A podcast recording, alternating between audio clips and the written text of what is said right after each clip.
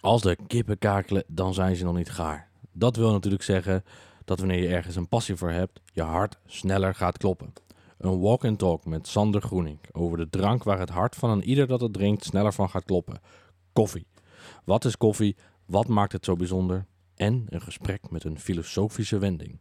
Eh, Sander en companen zijn Nederlands kampioen koffiezetten en zijn dagelijks te vinden in hun koffiebar Maling.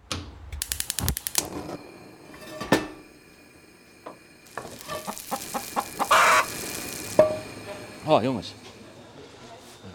Fijn dat het mondkapje weer af kan, hè? Ja. Waar kant gaan we op? Eh, weg bij die, eh, bij kant op die, bij die zagen, ja.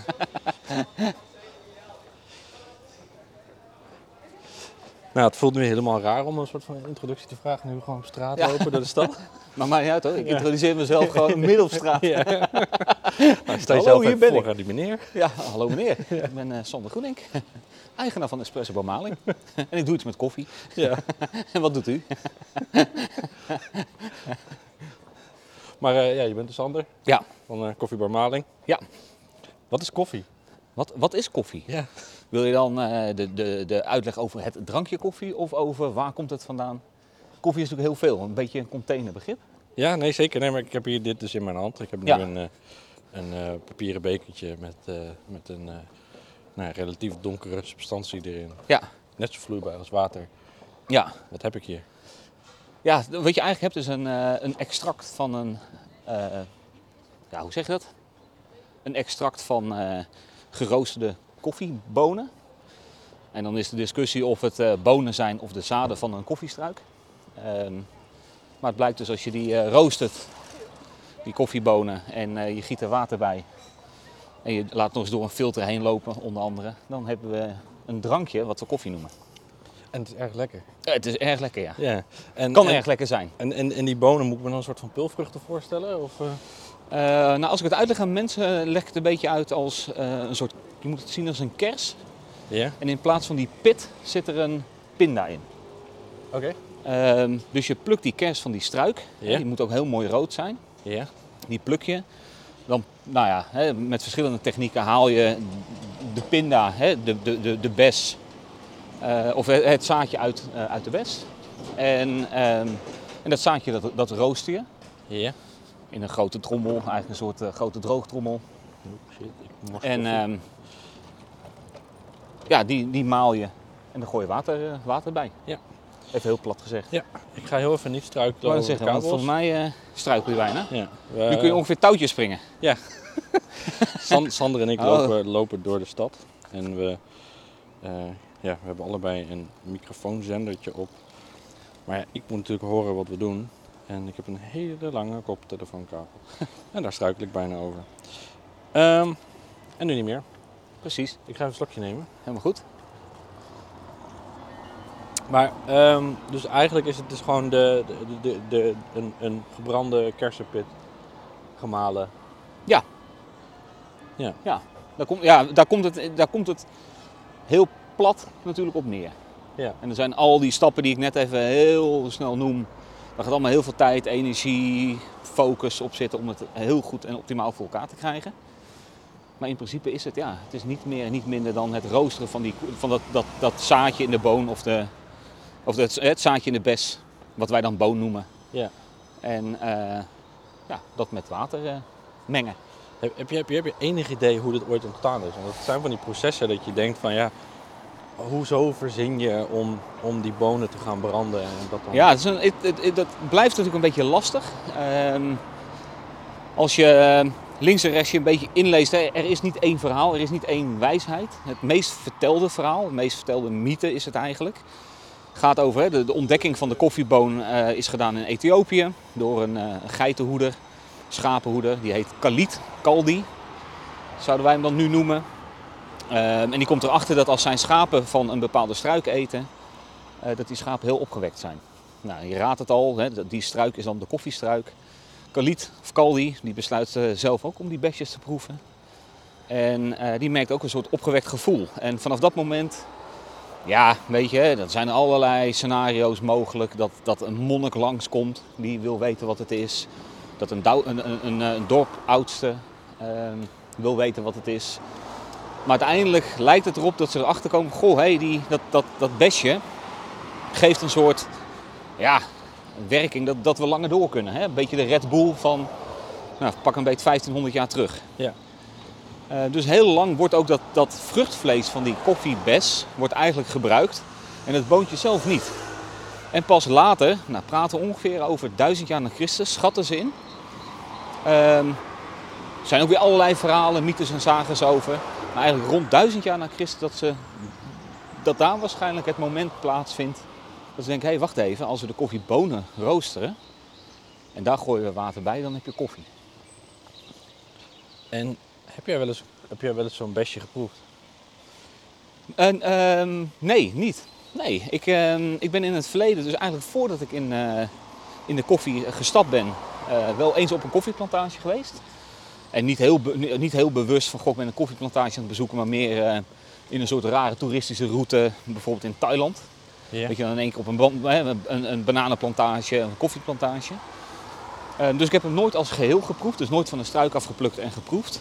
Uh, ik heb hem wel in onderdelen geproefd. Dus wel eens het schilletje los van, ja, van natuurlijk het koffieboontje. Ja, want ik heb toen een keer.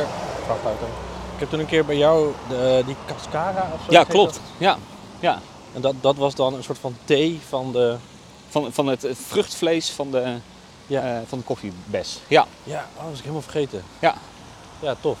Ja. Een slokje. Hmm. Hey, uh, wat, uh, ja, op een gegeven moment besloot je dus, ik ga iets met koffie doen. Sorry? Op een gegeven moment besloot jij, ja, ik ga iets met koffie doen. Uh, nou, moet ik even heel snel rekenen. Ik denk dat dat ehm, ergens begin tweeda nou, 2005 denk ik. In 2005 dat ik ehm, nou, toen werkte ik nog gewoon voor een werkgever en ik merkte dat koffie me wel heel erg begon uh, aan te trekken. Aantrekkelijk leek. Uh, reisde best wel veel, ook voor mijn werk. En uh, kwam erachter dat, dat wat Starbucks eigenlijk deed, hè, dus een koffiemoment creëren, -hmm. een soort veilige haven creëren voor, hè, voor mensen die op doorreis zijn. Ik dacht, oh, dat vind ik eigenlijk wel heel, heel interessant. Weet je wat ze in Italië ook altijd deden? Ja, precies. Even een, even een espressootje ja. pakken. En, um, nou ja, en het, het, het, het huiskamergevoel, het, uh, ja, het, het samenbrengen van mensen. En uiteindelijk heeft het wel een paar jaar geduurd. Dus ik heb wel een paar keer een stap geprobeerd te maken. Maar dan, ja, weet je, 2005 was de koffiewereld in Nederland gewoon nog, nog lang niet zoals die nu is. Nee, Senseo was, uh, was de meest ja, ja, ja, Senseo was eigenlijk ongeveer datgene wat, het, uh, wat we op dat moment heel erg uh, fantastisch vonden koffie drinken was een soort bijproduct. Hè? Je gaat lunchen en je hebt er een kopje koffie bij. Ja. En het is niet het primaire product. En eigenlijk pas in uh, nou, eind 2000 uh, of in 2008 dat ik echt dacht, oké, okay, ik moet nu stappen gaan nemen. Ja. Dus heeft drie jaar tussen gezeten. Heeft ook te maken dat ik gewoon druk was op mijn werk en uh, nou ja, niet, niet, niet ook altijd de tijd en de, de focus had om daar iets mee te doen. En in 2008 uiteindelijk de keuze gemaakt van ja, het, het roer moet om. Ik stop met datgene wat ik nu doe. En ik wil iets gaan doen waar mijn, uh, ja, waar mijn passie ligt. Uh, of, of, waar ik denk dat mijn passie ligt. Want ik had nog nooit iets in de horeca gedaan, dus het was wel een, uh, een klein gokje. maar dat dus, ja. Ja, en nou ja, ik kan me nog herinneren dat, dat toen een, een koffiezaakje, ja, dat was er eigenlijk nog bijna niet. Nee, we waren de eerste. Ja. En met, en met mensen praten over nou ja, wat die koffie nou eigenlijk is. Nou ja, dat, dat ook niet. Um, en in, maar in de loop van de tijd is koffie best wel snel in populariteit uh, uh, gegroeid. Ja. In populariteit gegroeid. Ja. Um, ja, ik, ik, ja hoe, hoe, komt dat? Heb je, daar, heb je daar een mening over? Ja, nou ik denk dat... Um, uh, ja, hoe komt dat? Joh, goede, goede vraag. Ik denk dat we in Nederland redelijk achter hebben gelopen. Dus als je kijkt, uh, hè, daar waar ik de, de, de, de espresso bar ben begonnen, nou dat is even voor het gemak volgens mij uh, 1 januari 2009. Ja. Uh, daar was Nederland nog heel erg, en, en dat is zelfs nog in het, in, ook nog voor een groot deel in het westen. Ja, espresso bar was een beetje uh, hip, lastig. Uh, je gaat toch geen 3 euro betalen voor een kop koffie, bla bla bla. Mhm. Eh, maar in de landen om ons heen, dus hè, als je kijkt in, kijkt in Engeland, Duitsland, Scandinavië, ehm, ja, daar werd die- koffie al populairder. En, en er startte een soort, ja, ze noemen dat de third wave koffie, startte daarin. En dit is eigenlijk wat we nu bijna verstaan onder een espresso bar. Mhm. Ehm, en dat was in de landen om ons heen begon het al te groeien. In Amerika begon het heel erg eh, te groeien. En Nederland is er eigenlijk altijd achteraan gaan hobbelen. Ehm, en op een gegeven moment denk ik ook wel onder invloed van tv bijvoorbeeld. Hè, dat je elke serie die je keek, nou weet ik, eh, ik, ik pak even CSI. Ik noem er even eentje waar ik het... Dan komen ze altijd met een witte beker naar binnen lopen. Ja. En ik denk dat dat ook heeft geholpen voor een hele hoop mensen. Een soort de beeldvorming van, oh je kan koffie ook meenemen. Ehm, en en het, hè, het op straat drinken. Dus ik denk dat daar, eh, daar toch uiteindelijk wel die, die populariteit eh, is gaan groeien. En dan komt natuurlijk ook dat, nou ja, hoe meer we met z'n allen, ehm, we noemen het dan even specialty koffie gaan drinken. Ja, specialty koffie is eh, hoger gegroeide koffie, betere kwaliteit. Je weet waar het vandaan komt. Hè? Je, je weet bijna, hè? of soms de naam van de boer, de naam van de plantage. Hoe meer je dat gaat drinken, hoe meer je erover kan vertellen. En hoe meer mensen het ook ehm, gaan, nou, misschien gaan snappen en het interessant gaan vinden. En ik denk dat dat ook de groei is geworden. Dat het, het werd op een gegeven moment een heel interessant product. Ja.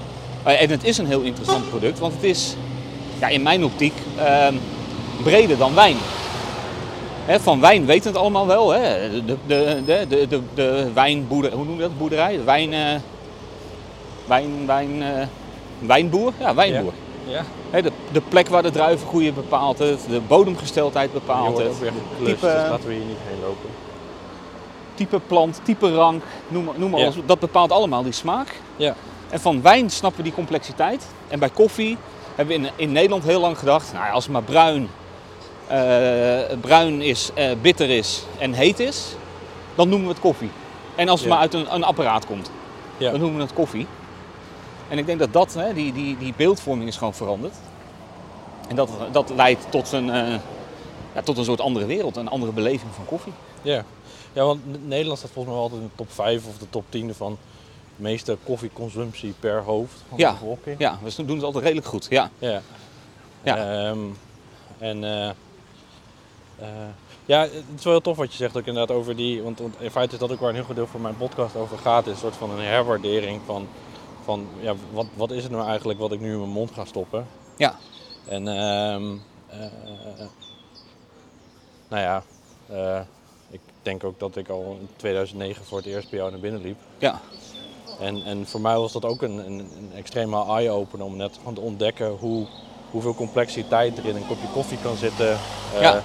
Hoeveel verhaal erachter kan zitten. En, ja. Nou ja, kennis, kunde, skills. Ja, ja. Ja. en ook gewoon de verschillende technieken.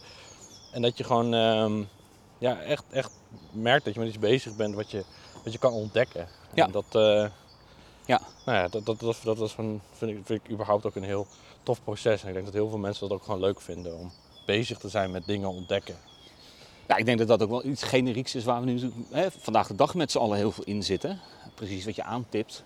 We willen eigenlijk meer weten van datgene wat we tot ons nemen. Ja. En we willen meer snappen wat is de impact van datgene wat we doen op, eh, op de wereld om ons heen. Ja. En dat maakt op dit moment denk ik koffie gewoon een heel interessant eh, gebied. Omdat er heel veel, ja, hè, er wordt hoe langer hoe meer over bekend. En er worden hoe langer hoe, eh, het wordt hoe langer hoe transparanter. Ja. En dat maakt het ook wel heel erg leuk. En, het, en, en het is onderaan de natuurlijk best wel een simpel, maar lekker product. Iedereen kan het ook maken, hè? Ja. Scheelt ook nog eens. Dus ik denk dat dat ook wel het voordeel is. Dat het- je kan het ook nog wel thuis een keer snel, eh, snel bereiken. Ja, tof. Hey, ehm eventjes over, over überhaupt, eh, laten we het dus over de, de koffie zelf hebben. Want je had het net over de vergelijking met wijn. Ja.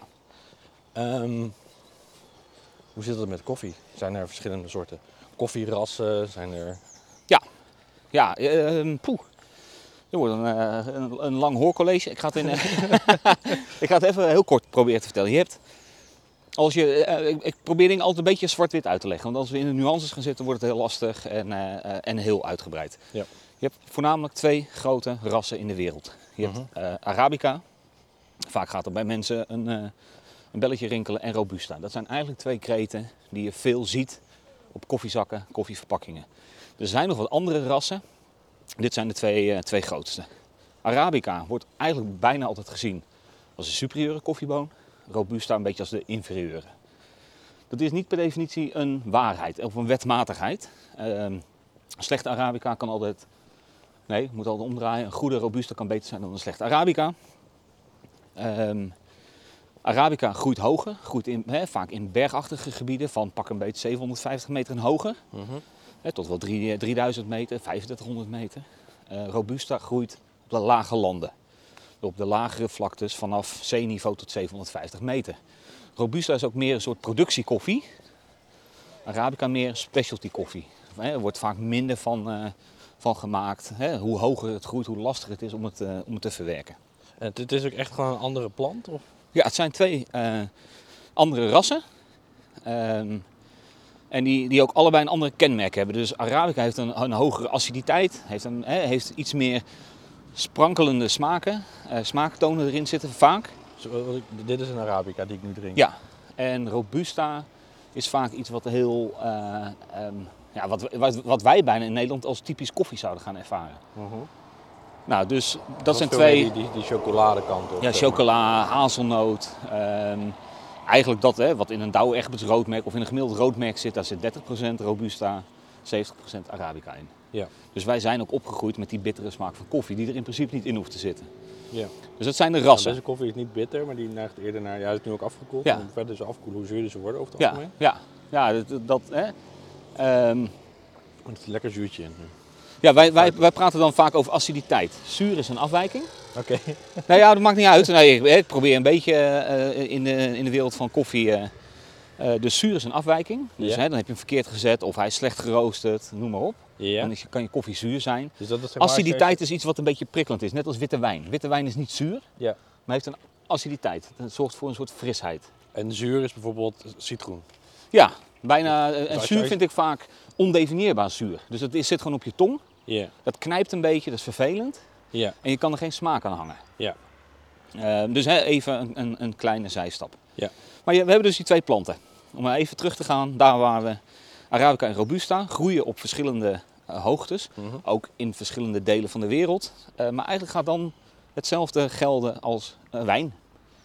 Als je een, een plant in Kenia hebt, dus een Arabica in Kenia, en je zou die plant overhevelen, en dat is ook gedaan in het verleden, overhevelen naar een ander werelddeel, gaat op den duur die koffie anders smaken. Het heeft te maken met bodemgesteldheid, zonuren, hoogte, wat voor planten groeien er eh, omheen.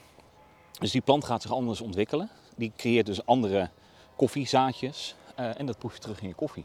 Ja. Nou, waarom vind ik het complexer dan wijn? Bij wijn pluk je de druiven. Je maakt er wijn van. Hè? Je schiet alle kennis van wijn. eh, dit is ongeveer alle kennis die ik heb van wijn. Maar Ja. je maakt van, van druiven maak je wijn. Dat gebeurt gewoon. Je stopt het in een fles. Ehm, en uiteindelijk koop je, hè, kopen wij die fles in een, in, in een winkel of waar dan ook.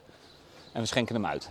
Ja. Nou, eigenlijk het moment dat we die koffie, of dat die wijn in de fles gaat, is hetzelfde moment als dat die koffiebes geplukt is en, en ontpit is. Dus dat we de boontjes hebben, de groene boontjes. Mhm. Dan hebben we ongeveer evenveel tijdkennis, kunde en skills daarin zitten. Maar dan begint het nog, want met dat groene koffieboontje kunnen we niks. Die moet nog geroosterd worden, of gebrand noemen. Hè. Vaak wordt gebrand gezegd, roosteren klinkt iets eh, vriendelijker. Ehm, Want eh, even, even, even heel terug naar die pit nog. Want Ja. die pit die is gedroogd of wordt nog die gefermenteerd. wordt gedro- ja, ja, er zijn verschillende methoden voor. Ja. Eh, je hebt eh, even ook daar weer heel, heel eh, grofmazig. Je hebt de gewassen en de ongewassen methode. Dus je hebt dat, dat besje, Ja. die pluk je. Eh, er zit vruchtvlees omheen, er zit een pectinelaagje omheen. En dan kom je uiteindelijk bij de, de boon die, wij willen, die Ja. je wil hebben. Ja. Nou, er zijn verschillende methodes om die boon uit dat besje te krijgen. Eentje is de gewassen methode. Je gooit ze in een bak met water. Ehm, en, dus- en, en ja, het is eigenlijk een soort kanalensysteem met water, hele kleine kanaaltjes. En je duwt die bonen elke keer maar vooruit. Ehm, en uiteindelijk schuurt, dus die, die, die, dat vruchtvlees dat absorbeert allemaal water. Mhm. Je schuurt hem tegen de zijkanten van die wanden aan. Eh, en uiteindelijk vallen de, de, de, nou ja, de boontjes uit het vruchtvlees. Even Heel, heel, heel, heel simpel. Ehm, dan haal je boontjes eruit, die laat je even drogen. Eh, of even, maar die laat je drogen. En ehm, nou, daar kun je weer koffie van roosteren. En is dan ook nog zo dat, dat bijvoorbeeld als je ze in de zon laat drogen, dat dat een meer complexiteit creëert dan wanneer Maar het is een beetje andersom. Oké. De, de, de, de, de natural of hè, de ongewassen methode. Dan leg je dus die koffieboontjes op een patio of gewoon hè, in de zon te drogen. Ja? Dat schep je gedurende twee, drie weken elke dag of om het uur om. Hè, het ligt er maar aan. Want je wil schimmelvorming voorkomen. Ja? Wat daar gebeurt bij die... Ja, helemaal goed. Ik loop eh volg je braaf. Snel achter Eh, de vrachtauto langs. Wat, eh, wat daar gebeurt bij die ongewassen, is dat eigenlijk die suikers van de, van de, de koffiebes Ja? langer om het boontje heen zitten. Ja? Dus die koffie wordt wat zoeter.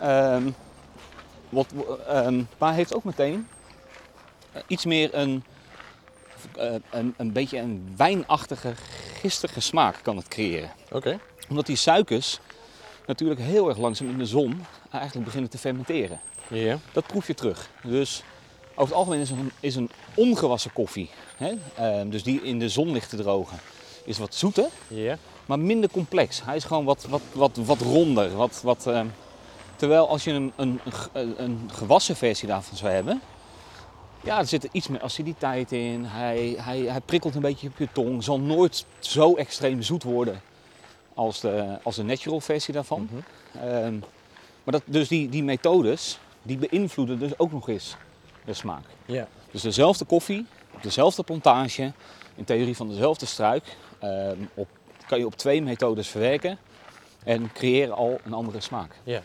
En dan zijn dit nog maar de twee grootste methodes. Oké. En dan laten we even alle experimentele methodes van vandaag de dag eh, achterwege, of experimenteel, maar de kleinere methodes. Zoals bijvoorbeeld Kopi Luwak of zo. Dat, eh, Ja, nee. Kopi Luwak is, eh, is natuurlijk in, in, in het ehm, vakgebied waar wij nu zitten, is dat een beetje eh, nat dan. Nee? En Ja. voor, voor de beeld van mijn Kopi Luwak is van die koffie die wordt opgegeten door een katachtig en die scheidt het uit. En Ja. dan pluk je de bonen uit de scheid. Ja, precies. Dat is wel in, in deze, dit, dit stadium van het proces? Dat is in dit stadium van het proces. Dus eigenlijk eh, wil je dat die Kopi Luwak, die Kopi Luwak heeft één kenmerk. Die weet de exact rijpe koffiebessen te vinden. Dus die pakt hij alleen maar. Dus hij eet geen overrijpe, hij eet geen onrijpe bessen, die exact rijpe bessen. Nou, dat besje dat eet hij op. Hij kan dat boontje niet verteren, dus dat poept hij eruit. En dan heb je dus eigenlijk dat wat wij hè, gewassen of ongewassen doen, Ja. dat doet die Kopi Luwak in zijn darmensysteem. Het enige nadeel is, hè, ook daar, we praten ook weer misschien over tien jaar terug. het is gewoon automatisering dit eigenlijk. Ja, nou ja, wat, wat, kijk, vroeger liepen die beesten gewoon in het wild. Ja. Praat hij over 700, 800 euro per kilo. Want ja, je moest maar net die uitwerpselen van die Kopi Luwak eh, zien te vinden. Ja. Vandaag de dag heb je gewoon Kopi Luwak boerderijen. Hè, dus eigenlijk eh ophok Luwaks. Ja. Omdat het gewoon een business is geworden. Ach, tuurlijk. Ja. Hè, dus het werd in één keer tien jaar terug een hype. Oh jongens, nou heb je wel eens die Kopi Luwak gehad. Ja. Ja, en mensen in, nou, voornamelijk Indonesië, die dachten, hé, hey, hier kunnen we geld aan verdienen. Ja. Dus die zijn een beetje datgene gaan doen wat wij niet willen met onze kippen. Ja. Die beesten ophokken. Ja. Je gooit er gewoon eh, eh, eh, bessen in. Ja. Ja, ik wacht net zo tot, het tot al die beesten aan het, eh, aan het scheiden zijn. Ja. En dat is eigenlijk dus dat, we hebben, hè, dat, dat koffieland eigenlijk zegt, ja, we doen daar niks meer mee. Nee. Nee, dat is wel... Dat is wel dus daar is eigenlijk de ontwikkeling een beetje de verkeerde kant op, eh, op Ja. gegaan. Ja. Eh, onthoud dit even, want ik vind, vind het wel leuk om straks nog eventjes weer, weer een bruggetje te maken naar die, naar die, naar die band die je opbouwt Ja. met, eh, met, met de producenten. Ja. Oké, maar we hebben dus die, die bes. Die bes is gepeld of gedroogd. ja. En we hebben de pit. Ja. En dan? Oh ja, daar waren we, de groene koffie, Ja, de groene koffiebonen. Ja, die pitjes zijn, zijn groen, hè? Die pitjes zijn groen, blauw-groenig, lichtbruinig. Maar in principe, wij noemen het altijd de groene koffie. Ja. Hè, dus eh, ehm, nou, we hebben die, die groene koffie, die wordt in, eh, in grote jute zakken gestopt. Ja. Ehm, z- 60 kilo vaak, 9 van 10 keer. En die worden verscheept eh, nou, naar landen waar we het gaan gebruiken, waar we het gaan roosteren. Ga je heel eventjes een andere kant op lopen. Want we, we- We lopen naar de... ja, er zit zo'n mooi bevertje op die microfoontjes. Hallo microfoon. Alleen eh, alsnog heb ik gewoon eh, Oké, nou, helemaal goed. Alles voor de luisteraars, hè? Ja, zo is het. Je moet comfortabel aan de oren zijn. Precies. Beetje robuust aan de ik, oren. ik vraag me af waarom wij er dan in praten, maar oké. We kunnen ook gewoon nu, nu in stilte. Ja, precies. En dan is het comfortabel. Ja. Ja. Vanaf daar weer verder? Eh, Zonder het oh nee, we gaan gewoon Nee? verder waar je gebleven Oh. was. Joh, waar was ik gebleven? Ehm waar was ik eigenlijk? Ja, Ik de, de, groene boon, jutezak. Oh ja, 60 groene kilo. boon jutezakken. Nou, die jutezakken worden hè, onder andere naar Nederland verscheept. Hè. Even weer lekker makkelijk dicht bij huis. Ehm, en daar wordt de koffie geroosterd. Ja. Nou, dat koffie roosteren is ook gewoon een precisiewerkje. Ehm, hoe verder je roostert, hoe donkerder die koffie gaat worden, hoe meer bitterheid eh, we, we- we in die koffie gaan terugvinden. Mhm. Vergelijk het een beetje, kijk als je hem helemaal zwart zou roosteren, wat kan. Hè, dus je laat hem helemaal aanbakken, heb je gewoon houtskool. Ja. Of houtskool, eh, hè, dan kun je net goed van, van houtskool koffie zetten. Ja. Dat smaakt hetzelfde als, eh, als heel donker geroosterde koffie. Dus alle smaken zijn eruit. Nou, roost je hem nou te licht, dan is die koffie onderontwikkeld. Ja. En dan zal die ook niet al zijn optimale smaken afgeven. Ja. Dus je wil, ja, dat proces moet je heel goed controleren. Dus Ja. je wil exact weten voor welke zettechniek, speelt ook nog een rol. Voor welke zettechniek wil ik deze koffie gaan inzetten Ja. en hoe kan ik hem dan perfect roosteren. Ja. Dus dat is, eh, en dat is ook gewoon, er zit een hele wetenschap achter. En een hele, joh, daar, nou ja, daar raak je ook nooit over uitgeleerd. Het is ook echt, hè, naast het zetten van koffie, is dat ook gewoon een compleet vak apart. Ja, want is het dan ook zo dat, dat natuurlijk de, de, de, het, het, eh, de, de koffieplantages zijn natuurlijk onderhevig aan de elementen. Ja. Ehm, en stel je bijvoorbeeld een heel nat jaar of een heel droog jaar, dat, dat, dat heeft ook invloed op de... Ja, op de, op de kenmerken van die koffie. Ja. Dus als ik Maar vandaag ook of hoe lang je moet roosteren bijvoorbeeld. Ja, ook. Ja, dus Ja. Hè, eh, bij, bij rooster speelt ook onder andere hè, het vochtpercentage een rol. Ja. Nou, is dat wel gestandardiseerd, hè? dus volgens mij ligt het tussen de, nou, dat moet ik even uit mijn hoofd hoor, maar tussen 10 en 14 procent liggen. Ja. Ehm, ligt die hoger dan die 14 procent, heb je kans dat die bonen in die jute zakken al gaan schimmelen. Ehm, lager wordt mee geëxperimenteerd. Dat heeft niet heel veel impact, maar heeft wel weer impact op je, op je roostertijd. Ja. Dus dat soort dingen. Dus je, je moet, dat moet je allemaal snappen. Dus die, die interacties tussen die, die variabelen. Dat is gewoon heel belangrijk om te weten. Ehm, en het ook nog eens, ja, je kan vandaag een fantastische koffie hebben gekocht van plantage X in Brazilië. Mhm. Ja, de volgende oogst van diezelfde plantage hoeft absoluut niet hetzelfde te smaken. Ja. En dat is natuurlijk ook nog eens het spel. Hè? Dus je moet ook nog Ja. eens ja, het, het inkopen van die koffie en snappen van welke koffie eh, komt waar vandaan. Ja. Ja, dat moet je gewoon donders goed eh, in de gaten houden. Ja. Oké, we zijn bij branden. We zijn bij het branden. Dus, Wat- dat, hè, dus, dus dat branden, dus daar gaat al heel veel kenniskunde en skills in zitten. Want hè, dat wouden we aantonen, dat, je, dat het complexer is dan wijn. Dus Ja. we, hè, Ja. Eh, Game on. Ik bel even de sommelier. Kom maar op. Ehm, hè, dus het branden moeten we goed in. Nou, en dan hebben we de koffiebonen. Ja. En dan speelt het spel wat wij natuurlijk, hè, of wat ik natuurlijk dagelijks doe, van die geroosterde koffie, structureel de perfecte koffie maken. Ja. Het kan espresso zijn, het kan filterkoffie zijn. En ook daar spelen allerlei variabelen een rol. Hè, dus wat, is je, wat is je methode? Ehm, ga je espresso maken of filterkoffie? zijn al twee hele andere werelden. Ja. Wat is je receptuur van die espresso? Hoeveel gram koffie op hoeveel water? Wat is Ja. de watertemperatuur? Ja. Wat is de druk waarmee je de, de espresso zet? Nou, eh, wat is het type kopje waar je je koffie in laat lopen? Ja. Noem alles maar op. Ehm, ook legio aan variabelen. Die bepalen wat de smaak gaat worden van die koffie. Ja. Een koffie kan nog zo goed zijn. Dus je kan de allerduurste koffie kopen. Hè, Dus de, de allerduurste maar even hè, met, met, met de beste kwaliteit.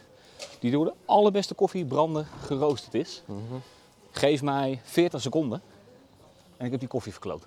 Ja. ja, daar weet ik alles van. Want ik dacht, ik heb, ik heb bij jou heel veel koffie gedronken en heel veel koffie geproefd. En, Ja. Nou ja, eh, eh, destijds was vooral de, de espresso als basis, zeg maar, nog de, de, Ja. de, de voornaamste techniek. Dus ik dacht, oké, ik koop een espresso-apparaat. Ja. Dat heel lang gezocht, dan had ik een espresso-apparaat ge- gevonden wat zich kon meten aan espresso-apparaten voor vijf keer zoveel. Ja. Ik heb denk ik een week lang elke dag gewoon bijna non-stop koffie gezet en kwam alleen maar bocht uit. Er Ja. kwam bocht uit. Ja. En toen ontdekte ik van, ja, oké, het belangrijkste aan je, of in ieder geval dat zeggen ze dan, het belangrijkste aan je espresso-machine is je maler. Ja. En de maler die ik had, die was gewoon helemaal niet geschikt. Nee, klopt. Ja. Dus zelfs met een goede maler lu- lukt het me lang niet elke keer. Nee, nee. Maar dat is ook het meest complexe. Hè? Dus het is, ja, wij, wij heten niet voor Jan Lul maling. En Los van Ja. dat ik wel aan veel dingen maling kan hebben. En het heeft iets hè, met een knipoog. Ja. Maar maling staat voor mij ook als kwaliteit. Ja. Als je het malen niet onder controle hebt, maakt het niet uit wat je erachteraan doet. Ja. Als je dat niet, niet stabiel kan krijgen, joh, dan, dan die es, dat, dat, dat espresso-apparaat, hè, we hebben natuurlijk een fantastische machine staan, is onderaan de streep maar een dom ding. Ja. Hij duwt een x hoeveelheid water onder een x hoeveelheid druk met een x hoeveelheid temperatuur er doorheen. Meer doet hij niet. En hij zal nooit zelf gaan nadenken van, nou, goh, laat ik nou toch eens eventjes eh, iets meer of iets minder gaan, eh, gaan doseren. Dat sta je allemaal zelf in? Ja, dat is, ja hè, daar stel je zelf in, proeven, nou, uiteindelijk ook kennis die je daarvan opdoet. En natuurlijk zijn er slimmere machines die bepaalde componenten makkelijker maken. Wij hebben natuurlijk shot timers, dus we hoeven niet meer met een stopwatch ernaast. Je ziet wat er gebeurt, je ziet wat de temperatuur is, hè, al dat soort dingen. Het wordt je veel makkelijker gemaakt. De- onderaan de streep hoeft een espresso, een espresso machine niet zo heel complex te zijn. Nee. Het is leuk, het is leuk om mee te spelen. En als je veel koffie zet, is het leuk om er... Ja, je krijgt er meer inzicht in. Maar het is niet nodig. Ja. Maar zonder goede molen, ja, dan gaat die, gaat die espresso machine helemaal nooit werken. Nee. Nee, ja, heel tof. Ehm, ik eh, onderbrak je om over de molen te praten. Maakt mij niet uit. Waar, ehm, eh, want eh, die, die, die, die, die geroosterde bonen die komen bij jou de zaak binnen. Ja. Ehm, hoe, hoe bepaal je dan wat je met die bonen gaat doen? Ehm, nou, we hebben natuurlijk, eh, eh, om, om even een beetje, hè, we hebben een, een soort, we hebben een huisblend.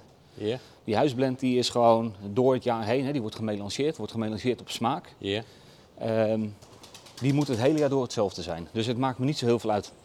Klinkt even heel, heel, even heel zwart-wit. Het maakt niet Ja. zo heel veel uit wat erin zit. ja. Als de smaak die ik eruit krijg maar hetzelfde is. Ja. Dus of het Brazilië X of Brazilië Y is, Mhm. maakt mij niet uit als de smaak maar hetzelfde is. Ja. En dat ligt dus ook bij die laten roosteren.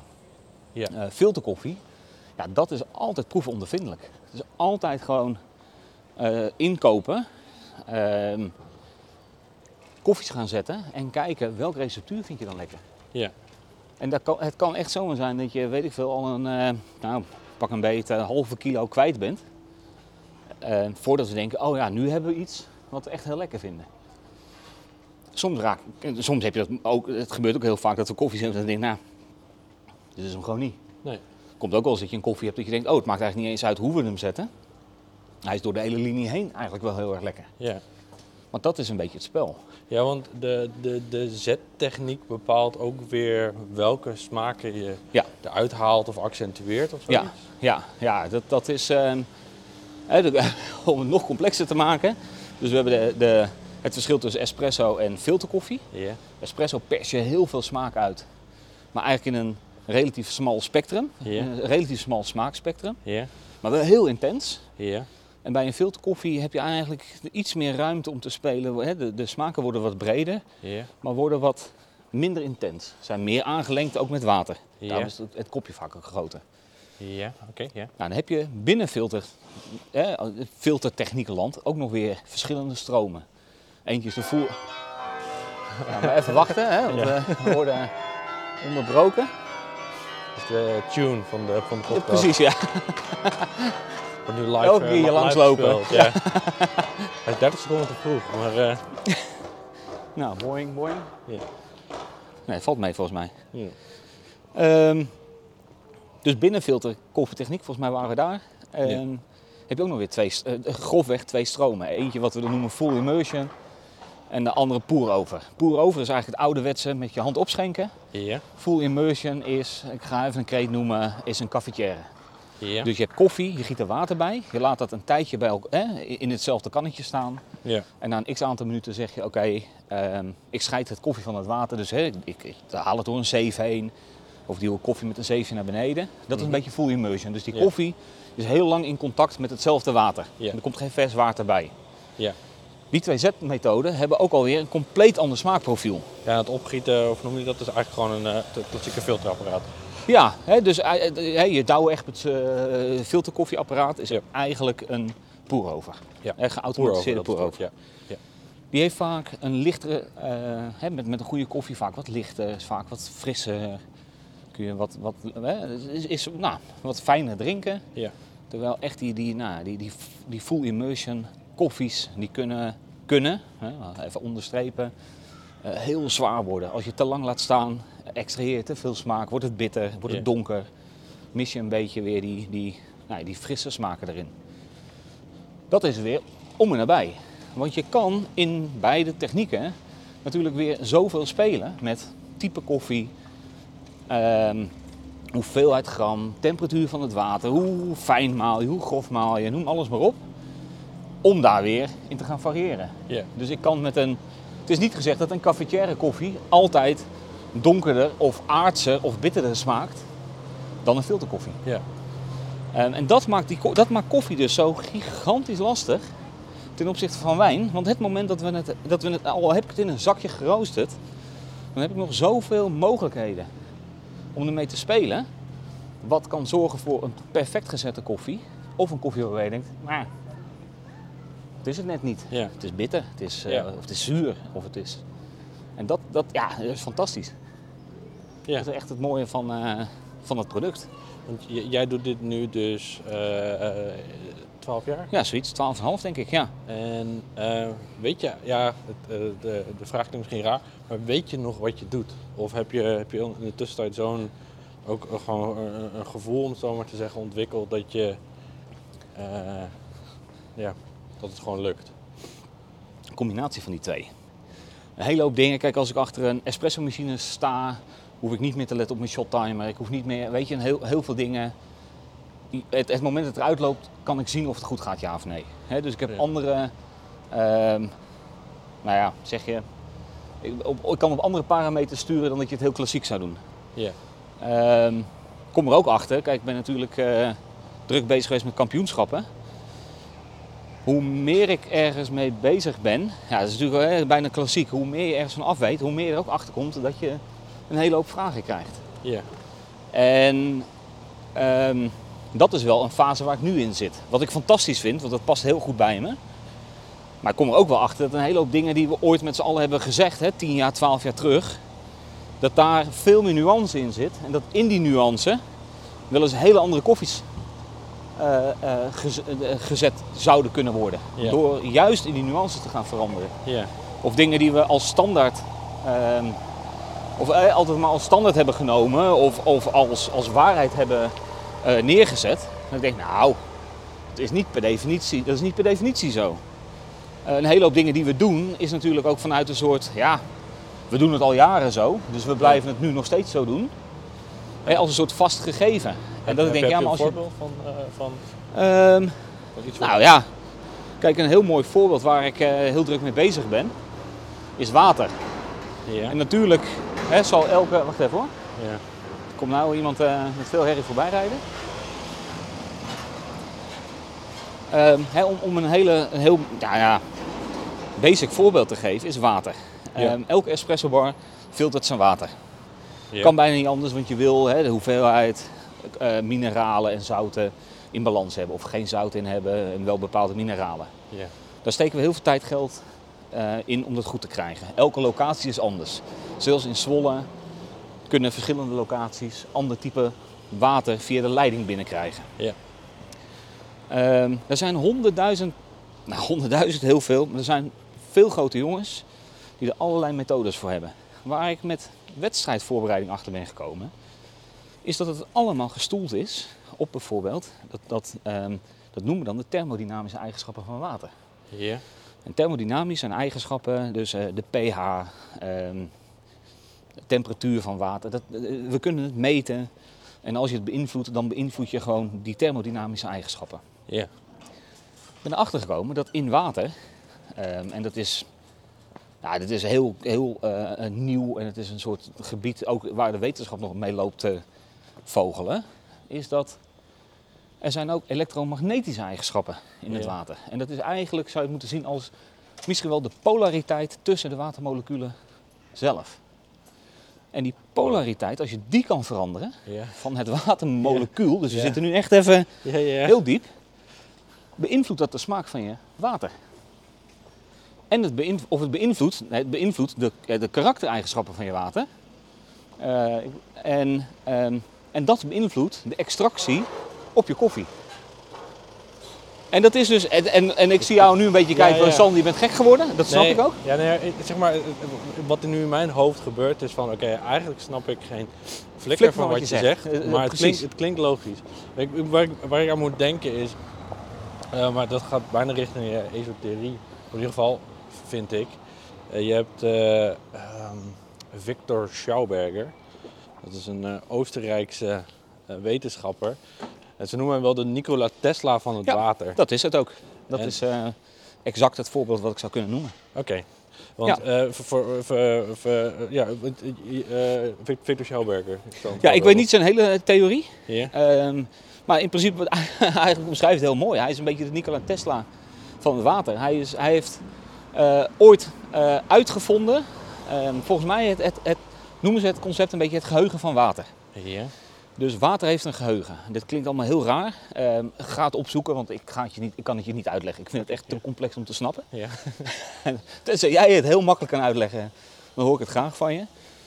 Ehm, hij heeft een theorie ontwikkeld ehm, die heel erg controversieel is. Eh, eh, Ja. Is nog steeds eigenlijk. Ja.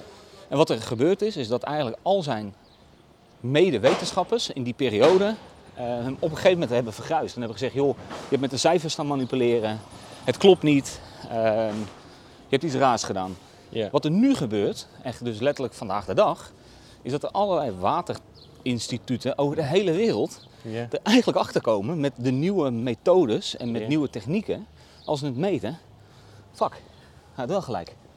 Oké, ja, vet.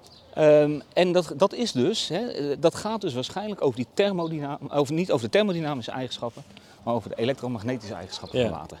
Ja, want wa- waarom ik eraan moest denken is, ehm, eh, hij is, ehm, ja, ik was begonnen in een boek over hem, maar toen op een gegeven moment hakte ik af, omdat bepaalde dingen vond ik wel Ja, het heel wordt op een gegeven moment mega complex. Ja, Ja. maar, eh, hij had eh, zijn, zijn, zijn startpunt was dat hij, want in Oostenrijk werden er veel bomen gekapt en die bomen die werden dan vaak via slootjes en rivieren werden die getransporteerd.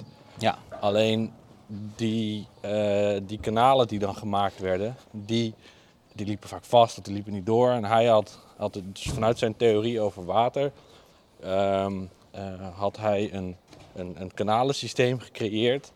Wat eigenlijk veel frictielozer werkte, waardoor er veel verder en veel meer, waarschijnlijk doe, doe ik het onrecht aan hoor, maar Ja. eh, hout getransporteerd kon worden. ja, ja. En dat had inderdaad te maken met dan hoe het water stroomt en dat daardoor, nou ja, dus ja water moet weer in zijn natuurlijke eh, vorm zijn. ja, En dat is natuurlijk, wij denken dat als je water uit je kraan haalt, ja, weet je, water, eh, we denken eigenlijk water is water. Maar water wat door een leiding heen geduwd wordt, wordt een bepaalde richting ingeduwd. Het heeft, Ja. een, het heeft gewoon een richting, namelijk een rechte lijn. Want het moet door die bui zijn, het kan niet links en rechts af. ja, Terwijl als je water in een, in een bron of in een beekje ziet bewegen, Mhm. gaat het niet in een rechte lijn. ja, En dat is, eh, dat is het hele interessante van water. ja, vet.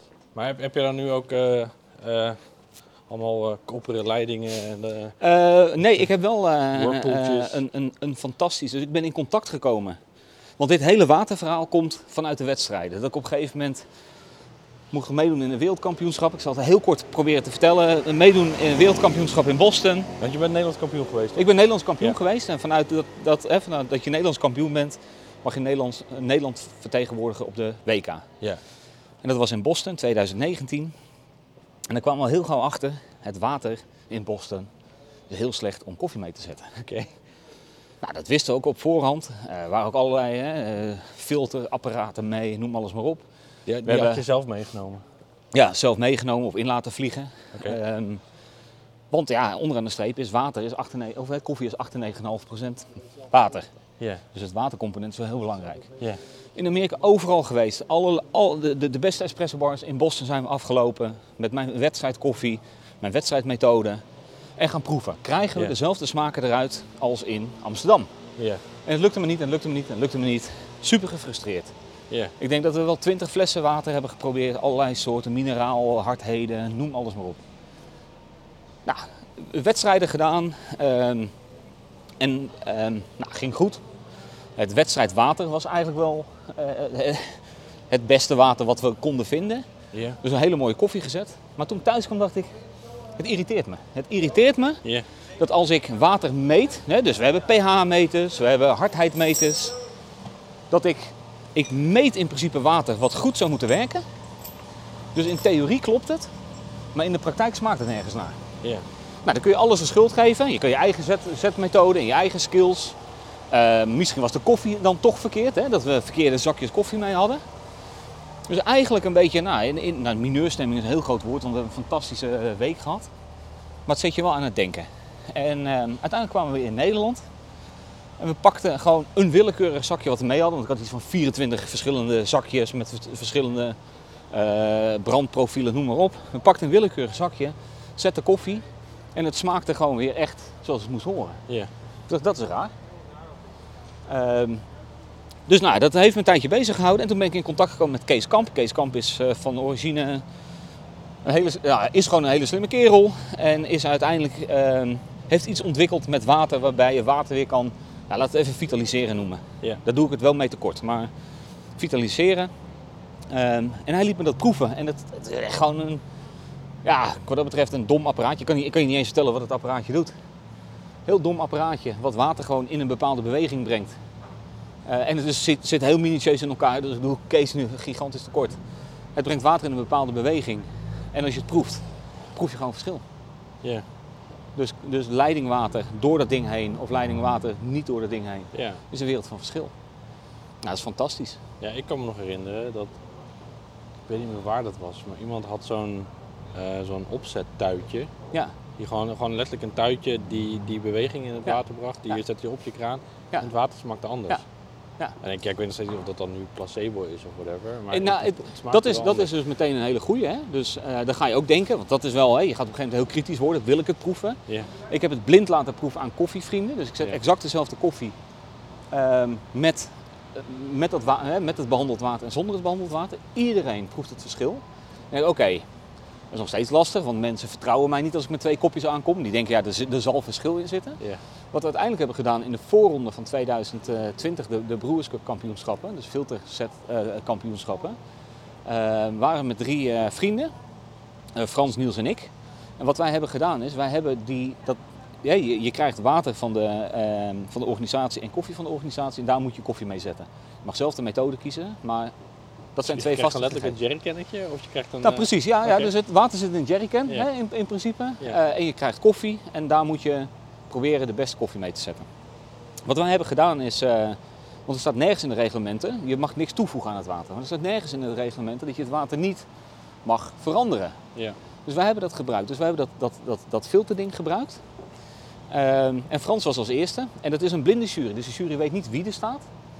Weet ook niet hoe de koffie gezet is, met wat voor methode. Dus die, zitten echt letterlijk eh, in, het, eh, nou, in, het, in, het, in, het donker te proeven. En Frans serveert zijn, eh, Franse koffie wordt bij de jury neergezet. Wij zijn ondertussen spullen aan het opruimen. En de wedstrijdleiding, Ron in dit geval, die komt naar beneden. En die zegt tegen Frans, Frans, welk water heb je gebruikt? Ja, wat bedoel je? Gewoon water, jerrycan, jerrycan achter de, de, of de, de, de jerrycan die we moeten gebruiken, waar die staat, maakt niet uit. Oké, nou, ja. Ron weer naar de, naar de jury toe. Komt na vijf minuten weer naar beneden. Ja, sorry man, maar weet je het zeker? Want de jury denkt dat er fraude is gepleegd. omdat de koffie, en je moet ook het water uitserveren wat je hebt gebruikt. Het water smaakt anders. Ja.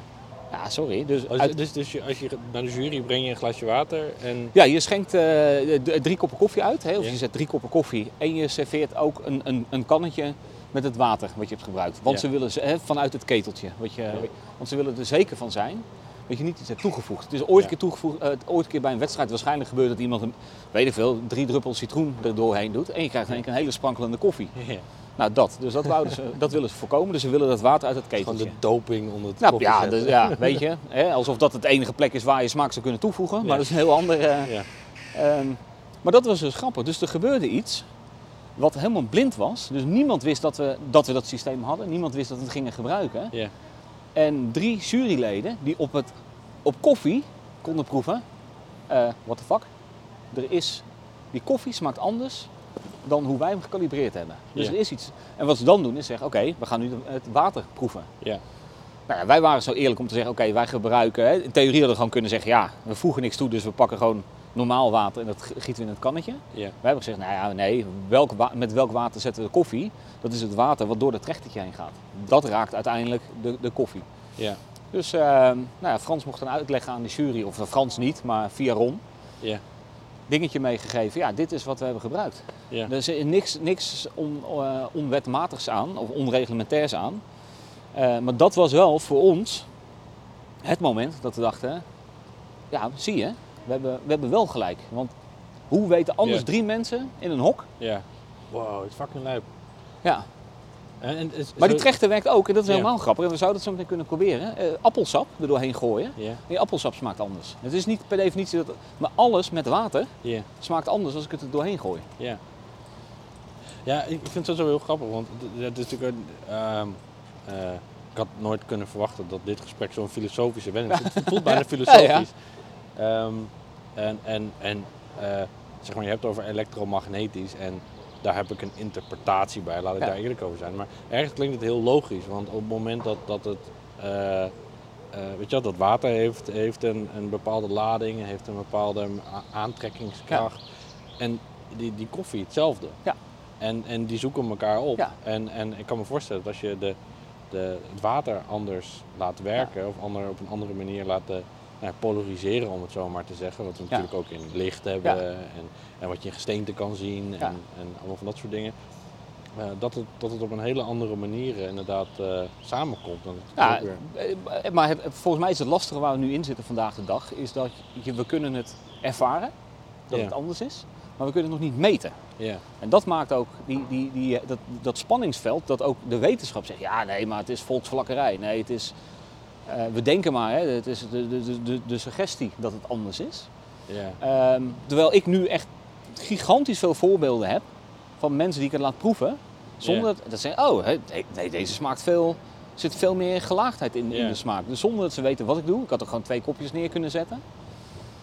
Ehm, dus ja, ik, ik, gelo- ik geloof er heilig in. En juist omdat het nog Ja, je me wel. onontgonnen, Ja. on- on- onontgonnen gebied is. Ja, want het zijn, het zijn dingen die heel interessant zijn, maar waar, waar ik dan constant over twijfelen van ja, weet je wel, het, het is altijd zo met van die, ehm, eh, heel veel dingen bijvoorbeeld ook in de wetenschap zeg maar. In ieder geval, ik, ik schaar dit nu dan even onder wetenschap, Ja. maar meer van oké, we weten nog niet wat het Nee. is of Ja. hoe het werkt. Eh, en die dingen, die, dat neigt, het wordt natuurlijk ook heel gauw wordt het of gebruikt door de esoterie, of gebruikt door, door nou ja, andere vormen van radicaal denken, om het zo maar te zeggen. Dus op het moment dat je er eenmaal induikt, is het, het is heel makkelijk ook een onderwerp om je vingers aan te branden. Terwijl het Ja. wel heel interessant is. Ja, ja. Ja, vet. En dat is nu denk ik ook met het hele water. Hè? Dus er Ja. is geen enkele wetenschapper die daar zijn vingers aan durft te branden. Omdat je misschien wel de volgende bent die eh verguisd wordt. Hey, en en ehm, even, even weer een paar stappen terug. Want jij Ja. had, straks had je het over het koffie zetten. En eh het is lopen trouwens. Ja, ik een tijdje het stil naast een ronkende machine. Ik Ja. weet niet of die er ook op staat. Maar ehm, ehm, dat, eigenlijk waar ik aan moest denken toen je het had over het koffie zetten.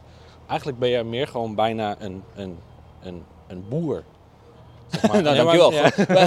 Ja, Je lekker komt joh. uit Zwolle, weet je wel. Dus je bent een boer. Ja, lekker stigmatiserend. Ja, nee, Eh, koffieboer. Ja. Nee, maar meer van eh, de, de mate waarin je overgeleverd bent aan, aan de elementen, om het zo maar te zeggen. ja.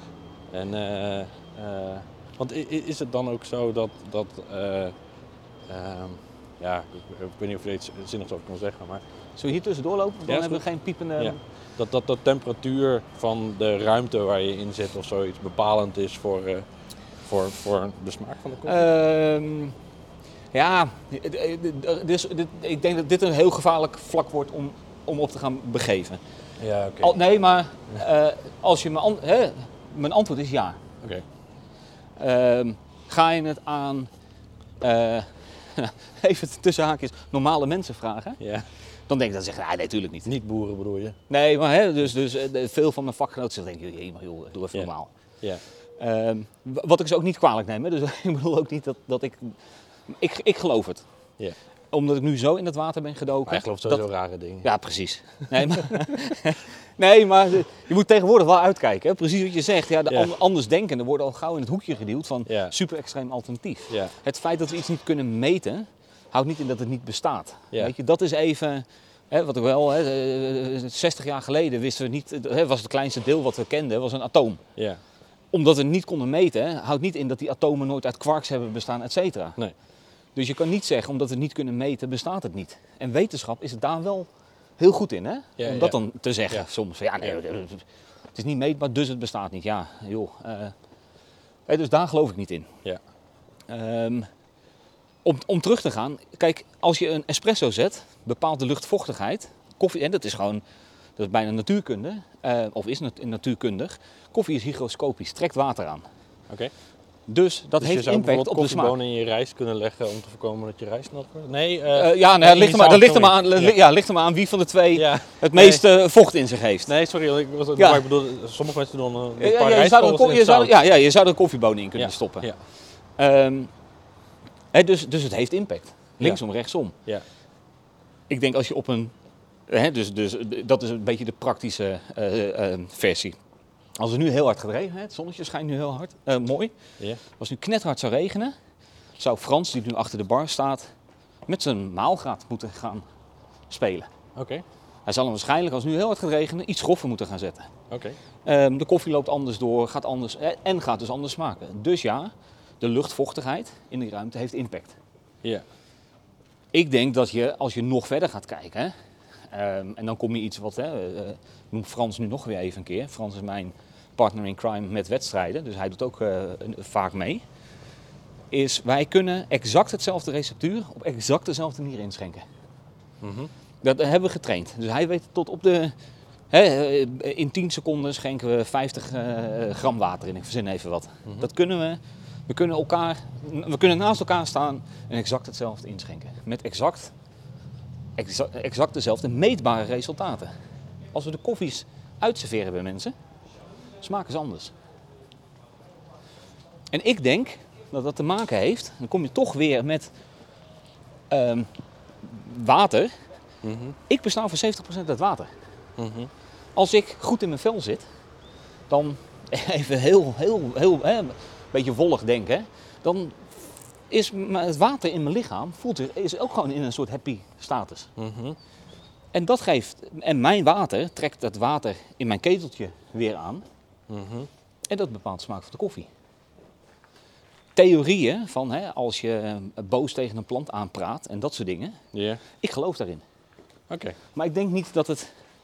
eh, nee, ja, nee ik, ik, geloof, ik geloof erin, omdat ik te veel voorbeelden heb waarvan ik denk: hoe kan het nou? Ja. Dat we het op exact dezelfde manier naast elkaar doen.